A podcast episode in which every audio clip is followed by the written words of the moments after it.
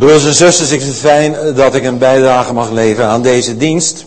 En als u misschien denkt, die is hier voor het eerst, hebben we hier nooit gezien, dan moet ik u teleurstellen. Ik ken deze kerk al heel lang.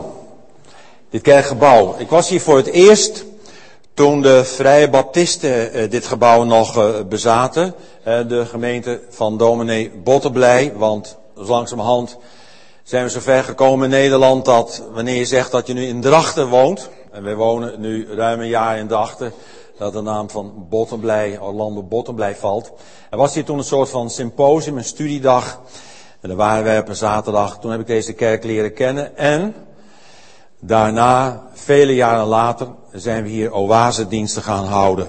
Om de twee maanden op een uh, zaterdagmorgen en gistermorgen waren we hier ook nog. Maar ik vind het fijn dat ik aan deze dienst op zondagmorgen een bijdrage mag leveren.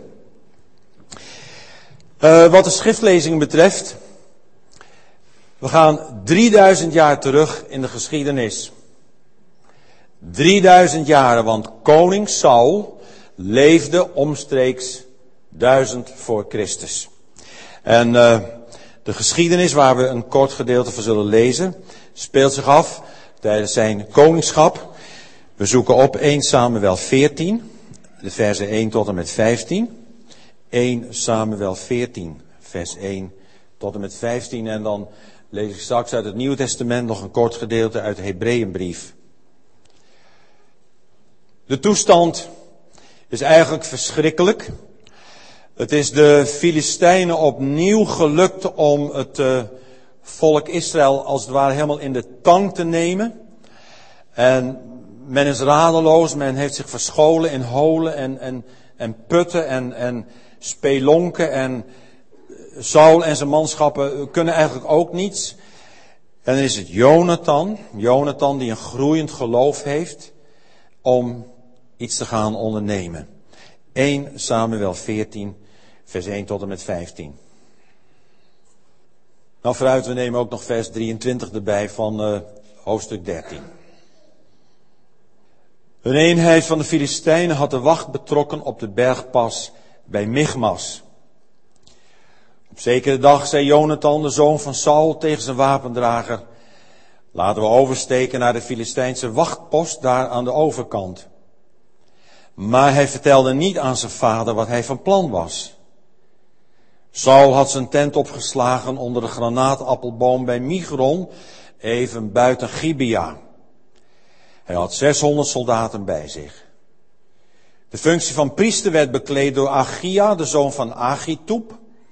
Agitub was een broer van Igabod, die de zoon was van Pinegas, de zoon van Eli, de priester van de Heer in Silo. Niemand wist dat Jonathan weg was.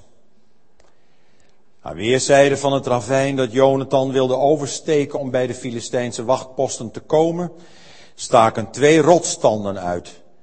De Boses in het noorden tegenover Michmas en de Senne in het zuiden tegenover Gibea. Jonathan zei tegen zijn wapendrager, laten we oversteken naar de wachtpost van die onbesnedenen. Misschien is de Heer op onze hand.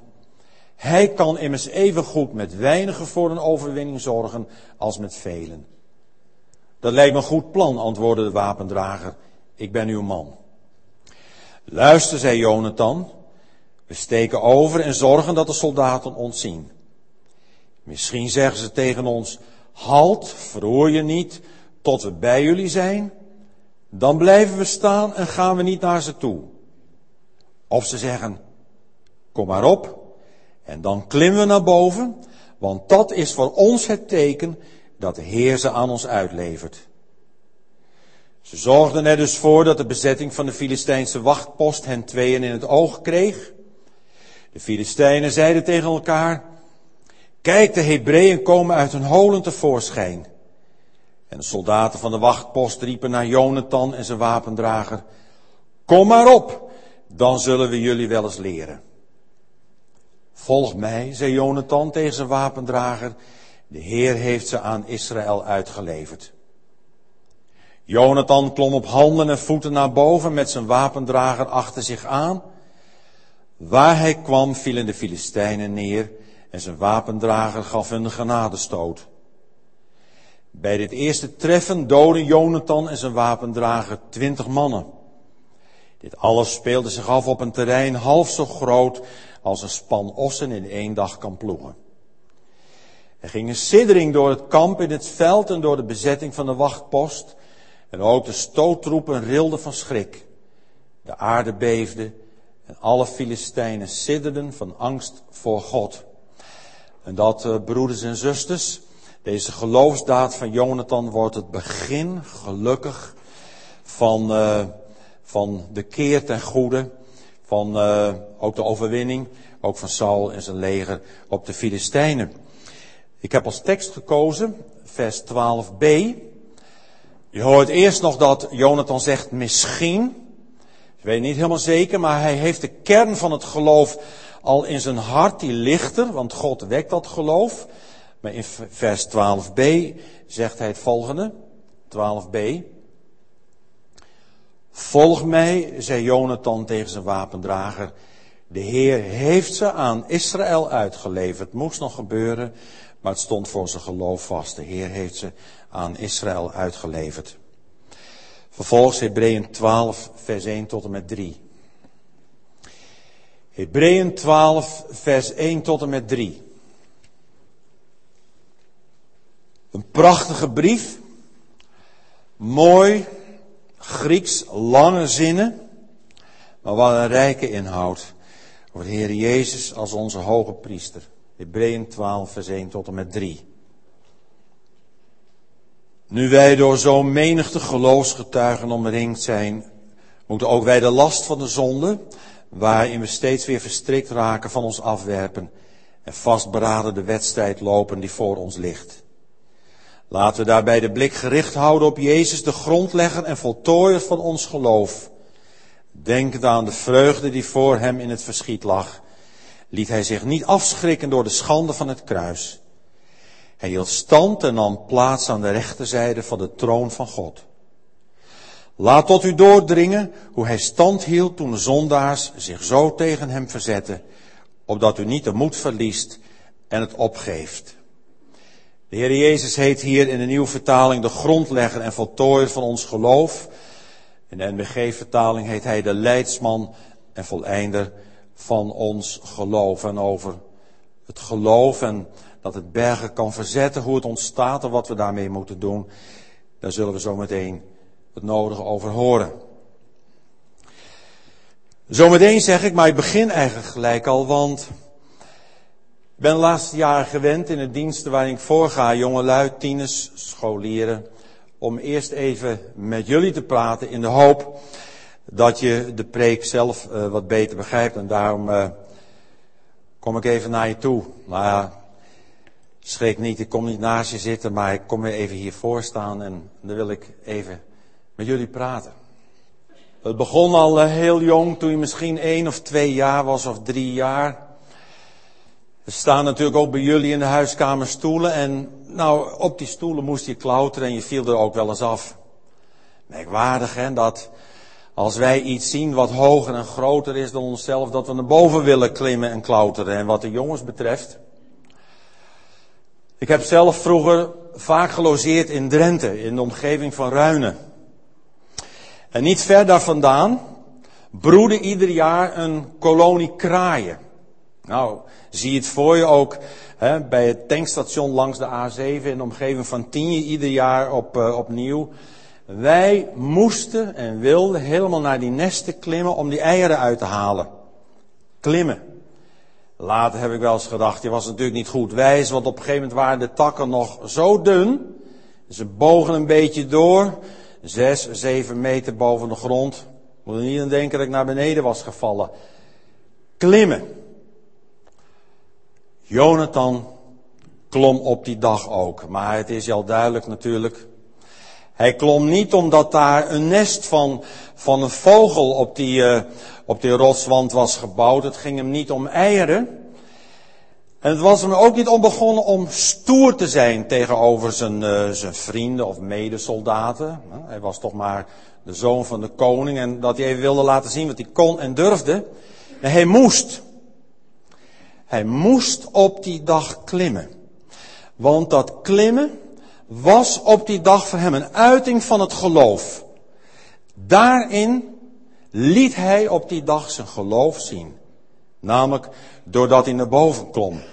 En uh, zometeen zal ik ook nog even met jullie praten over, over je eigen geloof nu. Dan moet je wel realiseren dat er altijd iets is wanneer je bezig bent met de dingen van God. En Jonathan deed het voor God. Voor de Heere God en zijn volk Israël. Dat er altijd wel iets is wat je afleidt. Want hij zal zijn knie op een gegeven moment hebben geschuurd, gestoten, auw. Of er was een stekel, zijn elleboog. Er is altijd wel iets wat je wil afleiden, maar hij hield vol, hij ging door. Nou, wat zou dat nu kunnen betekenen voor jullie die op school zitten, op je leeftijd? 14, 15, 16 jaar, hoe oud ben je? Ik herinner me dat nog heel goed van toen. Ik zelf 16 jaar was.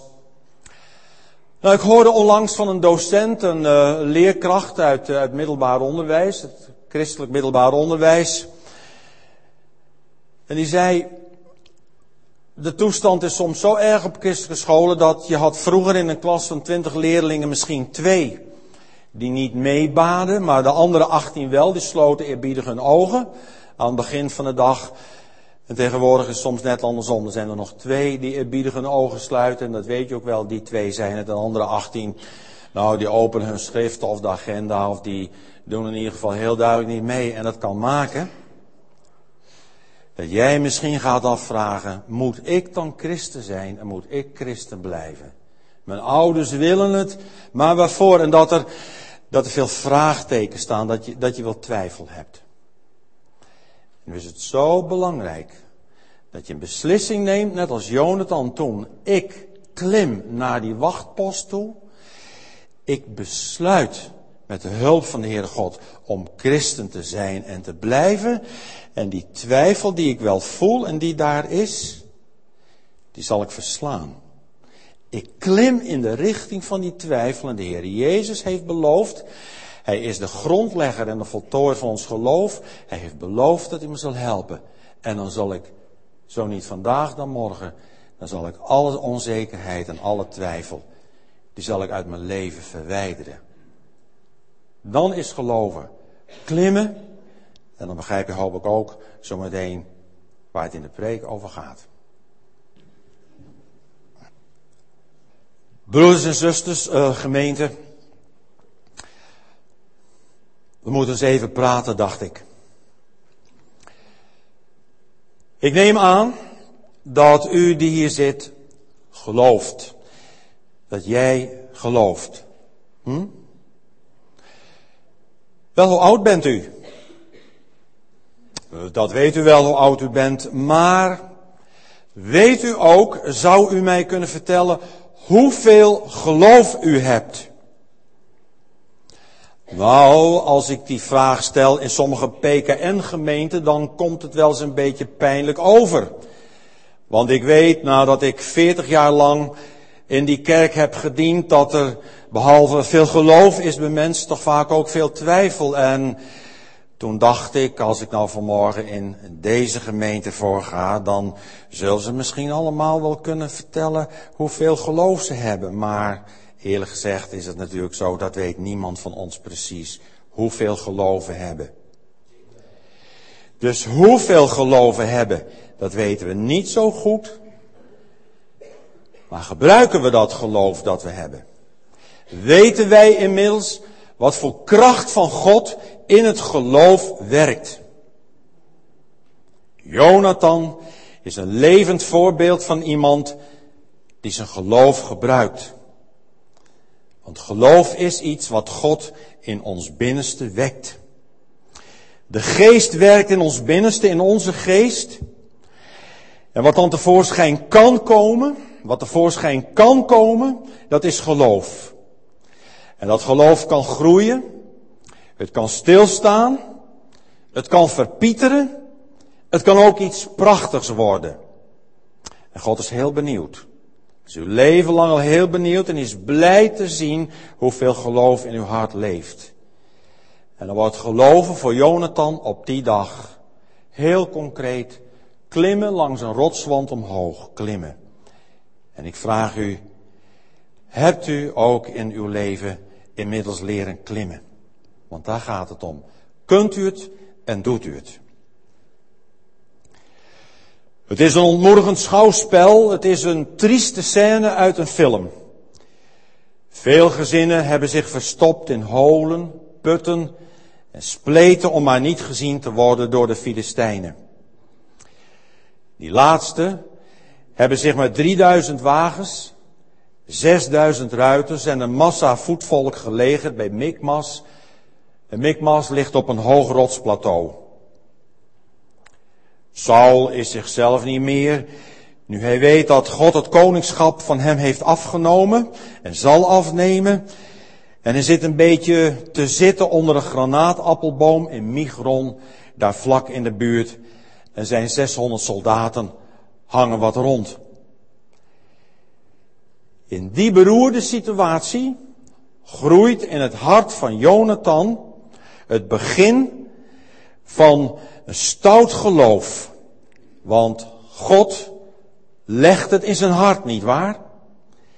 En van zijn kant nodigt Jonathan de Heere God als het ware uit om in beweging te komen.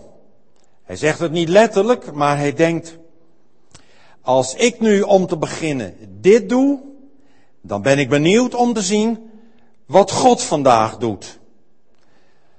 En dat is een heel belangrijk principe, broeders en zusters. Hij begint in ieder geval. Hij daalt af in dat nauwe dal en zorgt ervoor dat de Filistijnse wachtpost hem en zijn wapendrager te zien krijgt. En ja hoor, jongelui, die zien hem. En de mannen roepen, klimmen jullie maar naar boven, dan maken we appelmoes van je. Wel, uh, misschien bezeert hij zijn hand aan een scherpe steen. Of uh, schuurt hij met zijn blote knie langs een stekel. Ik zei al tegen jullie, er is heel vaak iets wat je afleidt. Het zou hem ook kunnen afleiden. Er is altijd al wat wat ons wil aftrekken van onze aandacht op de Heere God.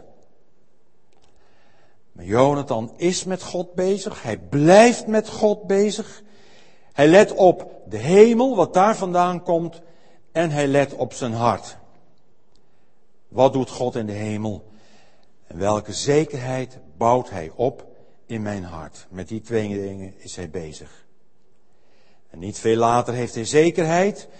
Een gelovige kan wis en waarachtig zekerheid hebben, gemeente. Twijfelt u daar niet aan. En zijn hoofd verschijnt boven de rotswand. En de soldaten, nou, die verkneukelen zich al bij voorbaat. Van, uh, die is niet helemaal wijs natuurlijk, van die idioot zullen ze gehakt maken. Maar het loopt anders. En ik zeg niet dat God elke zoon van Israël in de Bijbel maar heeft bevestigd in wat hij deed. Wat hij als soldaat deed, of als echtgenoot, of als bezoeker van de tempel en noem maar op. Maar op deze dag wil God zijn volk na een lange en een smartelijke en een uitzichtloze periode verlossen. God heeft het zich voorgenomen, verlossen uit de knellende omsingeling door de vijand. God wil het. En hij bereikt dat er in Jonathans hart geloof voorgroeit. Op het nauwe pad hakt hij op de totaal verblufte vijand in. Het is het begin van de verlossing op die dag. Wij lezen dit in het Oude Testament als christenen. Als christenen. Want God heeft met ons een nieuw verbond gesloten. We zijn genoemd naar Jezus Christus en geloven dat we kinderen van zijn hemels koninkrijk zijn. Hij, de Heere Jezus, onze Verlosser, heet in de brief aan de Hebreeën de leidsman en voleinder, oftewel de grondlegger en voltooier van ons geloof. En dat houdt zoveel in als dat hij met dit geloof is begonnen, hij predikt het, en dat hij het tot een goed einde zal brengen bij God in de hemel. Dat is nogal wat. Mag je dan met een zekere vrijmoedigheid ook zeggen, dat de Heer Jezus in zijn tijd dagelijks aan het klimmen was, was geloven voor hem ook stap voor stap en steeds verder in die ene richting klimmen en waren er ook dingen die hem wilden afleiden? Nou, dat kun je wel zeggen. Een andere stap om naar het zuiden te gaan en zich daar te laten dopen. Hij liet zich na zijn doop door de geest leiden in de woestijn. Pas na die gigantische worsteling begon hij te preken en zieken te genezen.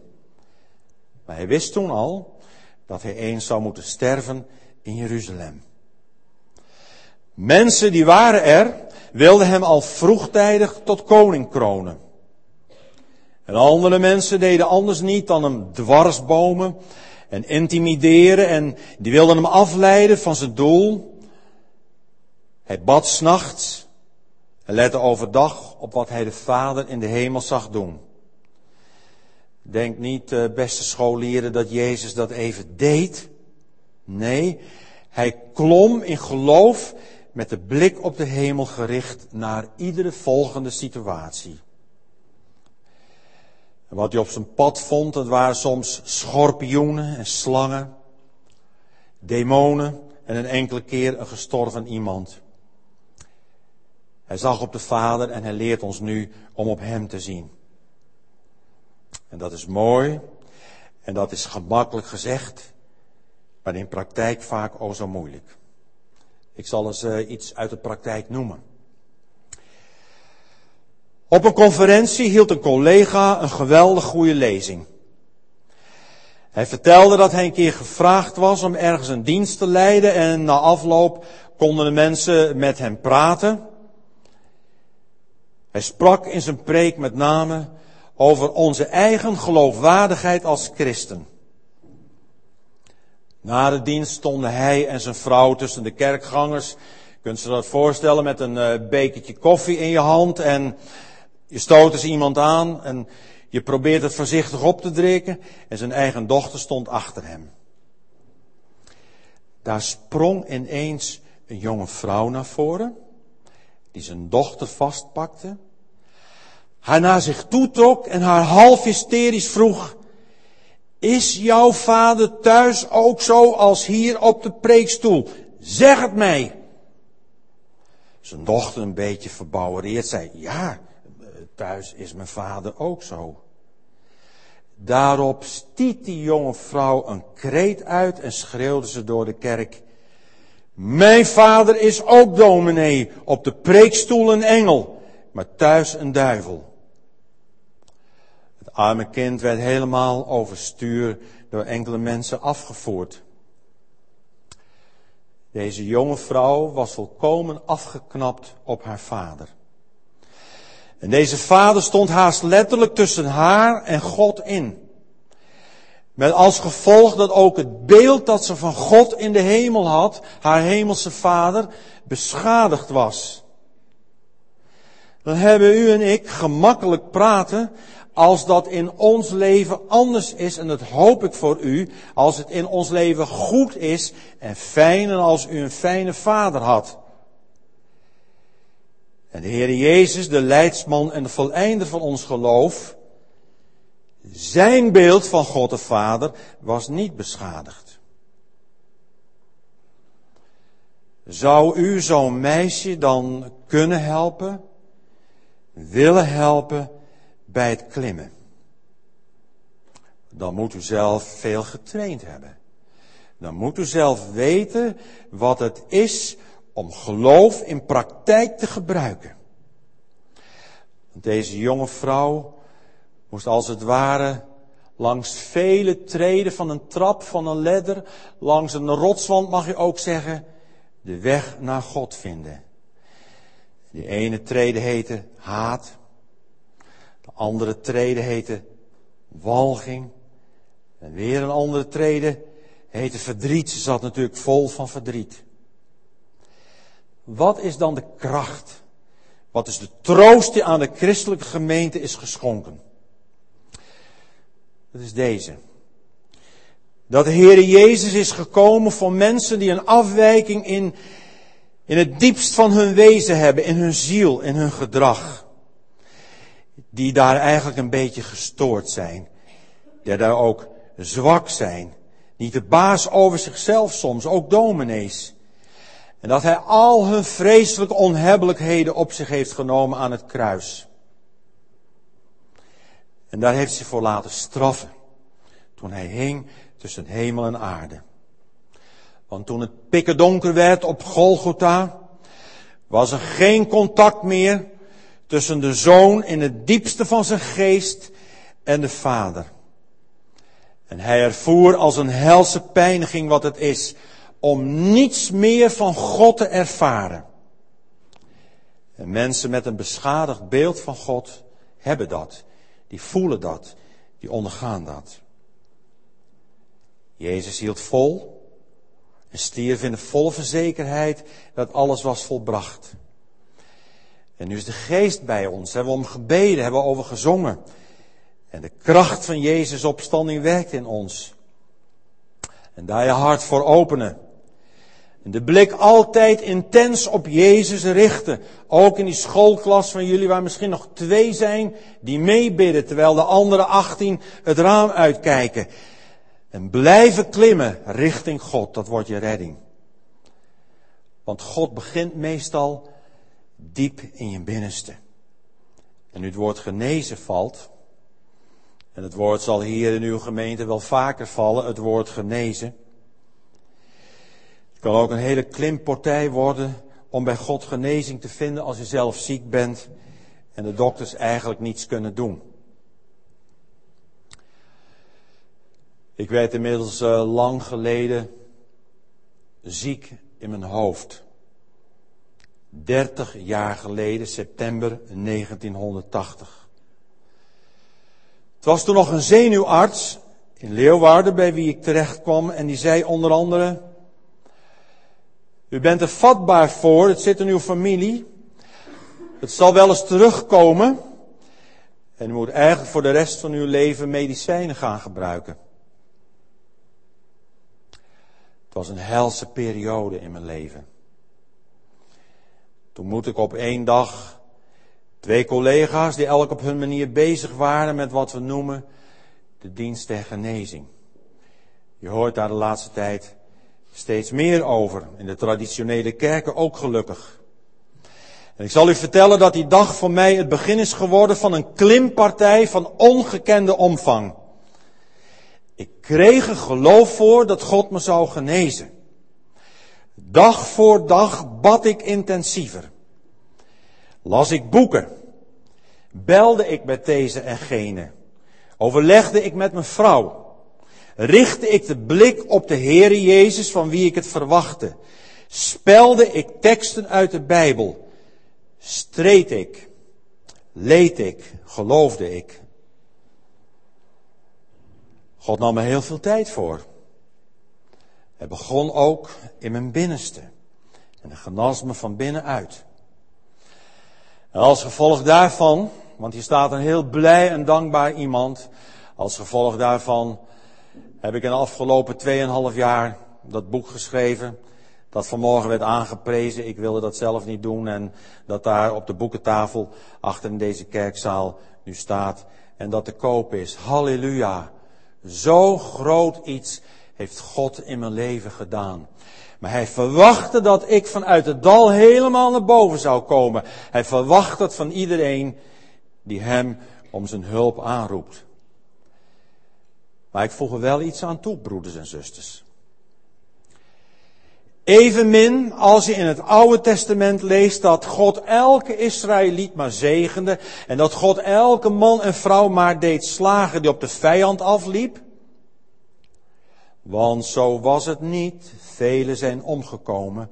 Evenmin zal ik nu zeggen dat God iedereen met welke ziekte dan ook maar geneest. Ik weet wel dat hij het geloof voor genezing in iemands hart kan leggen. En als het ware tegen die man of tegen die vrouw zegt, doe het. Begrijp je wat ik tegen je zeg? Begrijp je welk geloof ik nu in je hart opbouw? Waag het. Kom, ga bijvoorbeeld naar de genezingsdienst aanstaande vrijdagavond hier in de sporthal in Drachten, waar broeder Jan Zeilstra zal voorgaan. Als u merkt dat God met u bezig is in die richting, kom dan net als Jonathan. De eerste woord dat Jonathan uitsprak was misschien. Maar tenslotte wist hij het zeker. Zo werkt God, zo gaat hij met gelovigen om. Ja, broeders en zusters, geloven is leven met de Heer. Hij zette zelf de eerste stappen op dat pad en heeft de duisternis overwonnen.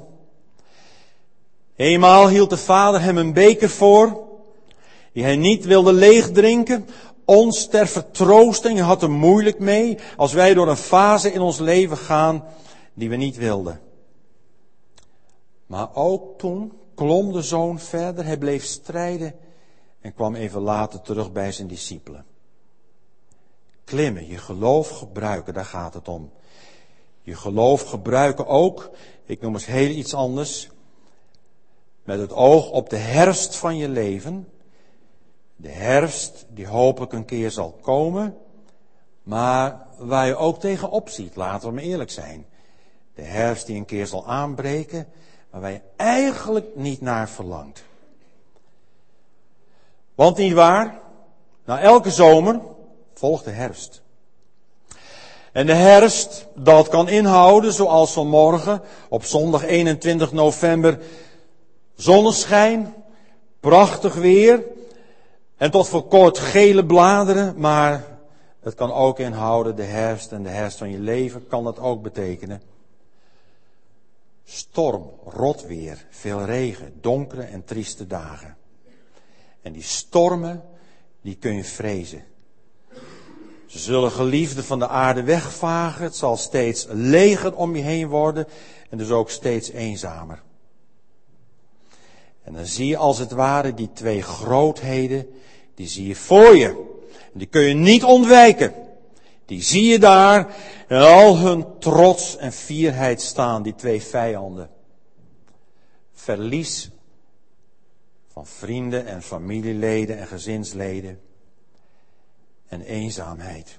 En de vraag is, hoe begin je aan de herfst van je leven? Hoe bent u inmiddels, want ik zie grijs haar, ik zie ook wat dunner haar hier en daar, gebrek aan haar. Hoe bent u inmiddels aan de nazomer of aan de herfst van uw leven begonnen? Wacht je maar af? Of kijk je iedere dag naar de hemel? Let je op God? Zoek je het in de Bijbel? En ben je er zeker van dat je God ook aan het werk zult zien in de herfst van je leven? Om Hem een keer in de hemel te bereiken, zul je over een heel kaal terrein moeten lopen. En dan wordt het steeds leger en eenzamer. En dat is niet leuk. Vergelijk jezelf met Jonathan die tegen een rotswand op moest klauteren. Was dat leuk? Nee, dat was helemaal niet leuk. Had het mis kunnen gaan? Jawel, als God het niet had gewild, als dat niet in Gods plan thuis hoorde, dan was het misgegaan. Nou, beste vrienden, God houdt van ons. Hij is geïnteresseerd in u. Hij investeert in jullie op jullie leeftijd. En hij wil elke stap die u in geloof zet zegenen. Want kijk, dit wist Jonathan. En dat wisten, of dat geloofden in ieder geval de Filistijnen niet. Die dingen zijn belangrijk. Om te weten wat God heeft gezegd en wat God heeft beloofd. Aan wie had God dit land Canaan beloofd? Niet aan de Filistijnen, maar aan de nazaten van Abraham. En er staan ook voor u en mij geweldige beloften in de Bijbel. Een van deze beloften is dat er engelen zijn om ons te dienen. Ze zijn, staat in Hebreeën 1 vers 14, dienende geesten die erop uitgestuurd worden ten behoeve van hen die het heil zullen beërven. Staat ook dat de Heer bij ons zal zijn in een eventueel dal vol doodschaduw. En er staat ook dat God een einde zal maken aan de vreselijke heerschappij van het beest in de wereld. Het beest dat Johannes aan het werk zag, aan het roeten en woelen in de wereldgeschiedenis, is een strafkamp op het eiland Patmos. Openbaring 13. Het beest en de draak en de valse profeet, die namaak drie eenheid. Weet u wel, de draak en het beest en de valse profeet, die voor een soort van drie enige godheid in deze wereld willen spelen. De belofte aan u gegeven is, Jezus heeft hen overwonnen. Er komt een einde aan hun heerschappij. Ik zou zeggen, laten we blijven trainen om te klimmen naar de toekomst, richting God. Hij wil het. Hij ziet ons bezig. Hij slaat ons schade. Hij wil ons daarin geweldig zegenen en bevestigen en helpen. En ja, dan kom je ook nog aan de herfst van je leven toe. Maar dat wordt niet iedereen gegund. Velen hebben al op jongere leeftijd de weg naar de hemel moeten inslaan. Wie ben je dan? Je hebt dan niet met de Filistijnen te maken, met mensen, maar met de dood.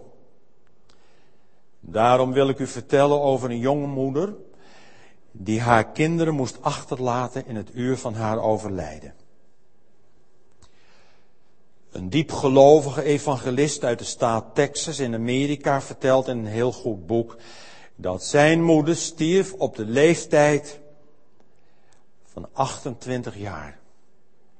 Er zit hier misschien een jonge vrouw, een jonge moeder van 28 of 27 of 29 jaar. Nou, hoe voelt dat? Zij overleed. Voor haar rees de rotswand Mikmas op. Verder was er niets meer, ze was stervende. De rotswand Mikmas, met daarbovenop de vijand die op haar wachtte en die haar dood zou maken. Wat deed ze? Ze gebruikte al haar geloof in de Heer Jezus. En ze klom treden voor treden richting de vijand. Ja, maar ze wist boven de vijand en achter de vijand, daar wacht mijn hemelse vader. De kinderen moesten om haar bed komen staan en haar allemaal beloven. Dat ontroert me, hè? Haar allemaal beloven dat ze haar in de hemel terug zouden zien. En toen vroeg ze hen, en ik hoef dat toch niet te vertalen anno 2010, sing a song. Ze keek omhoog en zei dat ze Jezus zag staan, een kleine baby die dus al gestorven was. En zo werd er ruimte voor haar gemaakt. Zo kon ze het stuk rotswand overbruggen en werd ze later door God bevestigd en geholpen in haar laatste gevecht met haar vijand. Haar vijand ziekte en haar vijand die dood heette. Haar zoon, die later evangelist werd, schrijft erover in zijn boek en denkt met dankbare gevoelens aan zijn moeder terug. Ach, altijd je geloof gebruiken gemeente. En nogmaals, toen ik zelf zo ziek was, was er veel wat me afleidde van mijn aandacht op de Heere God. Toch doorgaan. Ik wens toe ja, dat uh, als u zichzelf in het jaar 2010 daar ziet tegen die rotswand, als u nu misschien in zo'n situatie verkeert, en u eigenlijk weet, terug kan ik niet en vooruit, ik zou het liever niet willen. Maar de Heer is de leidsman of voleinde van mijn geloof, dat u uw geloof gebruikt. En dat u mag weten dat God u gadeslaat en u wil bevestigen en zegenen. Geloof dat de Heer Jezus elke plaats en elke fase van uw leven bij u is. En u helpt in uw christen zijn. Halleluja. Amen. Zullen we nu een gebed uitspreken. Heilige Vader, we danken u hartelijk voor deze samenkomst van morgen. De prachtige liederen. Dat u met elkaar aanbidden u op de troon der genade, waar ook de Heer Jezus vandaan gekomen is, de leidsman en voleinde van ons geloof. We danken u voor de Bijbel waar we twee gedeelten uit lazen en waarvan u hebt gezorgd dat hij er is gekomen, uw geïnspireerde woord, om te beginnen geschreven, daarna altijd weer overgeschreven, heel zorgvuldig, met alle aandacht van de kinderen van uw volk Israël. Als er één letter ontbrak, als er één letter te veel in stond, er werd een hele boekrol verscheurd en begon men opnieuw. En u, Heere Jezus, die wij in de schriften al ontmoeten. U die zelf zegt in de boekrol is voor mij geschreven, zie ik kom. U aanbidden wij met de Vader en met de Heilige Geest. U bent onze goede herder. U bent de opstanding en het leven. Dank u voor de boodschap die we vanmorgen mochten horen. Dank u voor het geloof dat u ook in dit half uur opbouwde in ons hart, in het diepste van onze geest. Laat u ons maar zien welke weg u in de komende week met ons wilt gaan. En als die weg leidt naar de sporthal waar een genezingsdienst is, dan graag. En dat u daar wordt verheerlijkt door de grote wonderen en tekenen die mogen gebeuren. Dank u wel dat uw woord, de Bijbel, het houvast is geweest voor velen die het afgelopen jaar zijn gestorven. En wie namen in vele kerken in ons land juist op deze zondag worden genoemd. Of de familieleden krijgen nog een bloem mee of een kaars of hoe dan ook maar. Er bestaan vele gebruiken. Maar het belangrijkste is geweest dat ze u hebben gekend, in u zijn gestorven en dat er een gemeente is wereldwijd die gelooft dat u zult terugkomen. Wij geloven dat ook. En wij vragen u, kom Heer Jezus, Maranatha. En we danken u dat de jongeren in ons midden hier zijn. We bidden voor hun school en de docenten en hun opleiding. En we bidden u dat ze morgen in de klas met extra aandacht zullen meebidden of zingen. Of welke uiting van het christelijk geloof daar maar is. U zij geloofd en geprezen tot in de eeuwen der eeuwen. Heere God van Abraham, Isaac en Jacob. Vader van onze Heer Jezus Christus door de Heilige Geest. In Jezus' naam. Amen.